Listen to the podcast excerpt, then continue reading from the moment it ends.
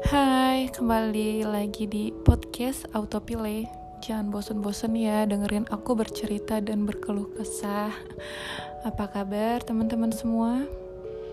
Uh, semoga kita dalam keadaan sehat walafiat, dijauhkan dari berbagai macam penyakit, terutama yang lagi marak-maraknya yaitu hmm, COVID-19 varian Omicron yang saat ini lagi naik daun ya. Semoga kita dijauhkan sekali dari penyakit itu. Nauzubillah min zalik. Terus gimana kabar yang lain? Gimana kabar hatinya?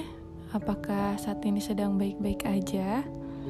Semoga hati kita juga dalam keadaan baik-baik aja ya.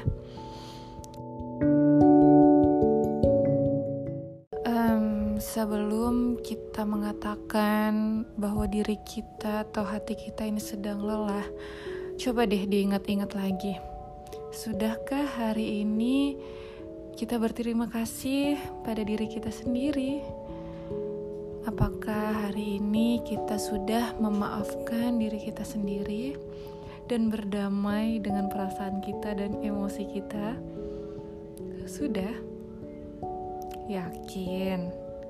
Tapi kok kita kayak belum ikhlas ya?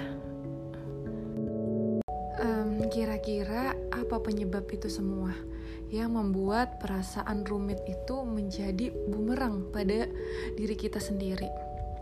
Biasanya sih yang aku rasain dan yang aku sadari memang sering kali kita berharap lebih kepada seseorang. Kita berekspektasi seseorang akan uh, memberikan feedback seperti itu kepada kita, padahal yang dia lakukan itu ya memang batasannya dia. Ya, mungkin sebabnya karena kita merasa sudah memberikan yang terbaik. Kita sudah berusaha untuk dia melebihi dari apa yang harusnya dia terima. Jadi wajar dong sifat manusiawi kita ya berharap adanya feedback. Walaupun tidak lebih, tapi minimal sepadan lah. Itu sifat alami manusia ya kan. Cuma pada kenyataannya, perasaan seperti itu justru menjadi penyakit bagi hati kita. Menjadi bumerang terhadap diri kita sendiri.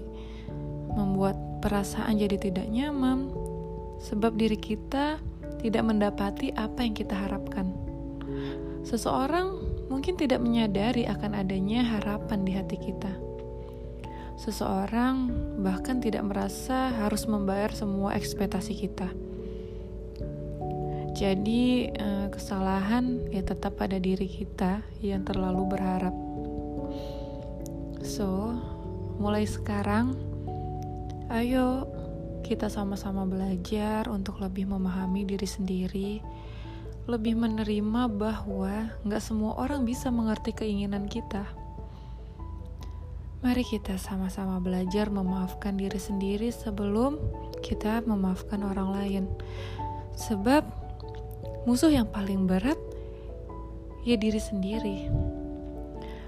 Aku pun lagi di fase sulit untuk berdamai dengan ego dan perasaan jujur aja, semua itu gak mudah. Tapi aku yakin kita bisa kok, dan harus bisa. Bukan untuk orang lain, tapi demi diri sendiri. Selamat malam. Sudah ya? Sekarang kita istirahat. Besok kita harus melanjutkan aktivitas-aktivitas yang lainnya. Terima kasih. Thank you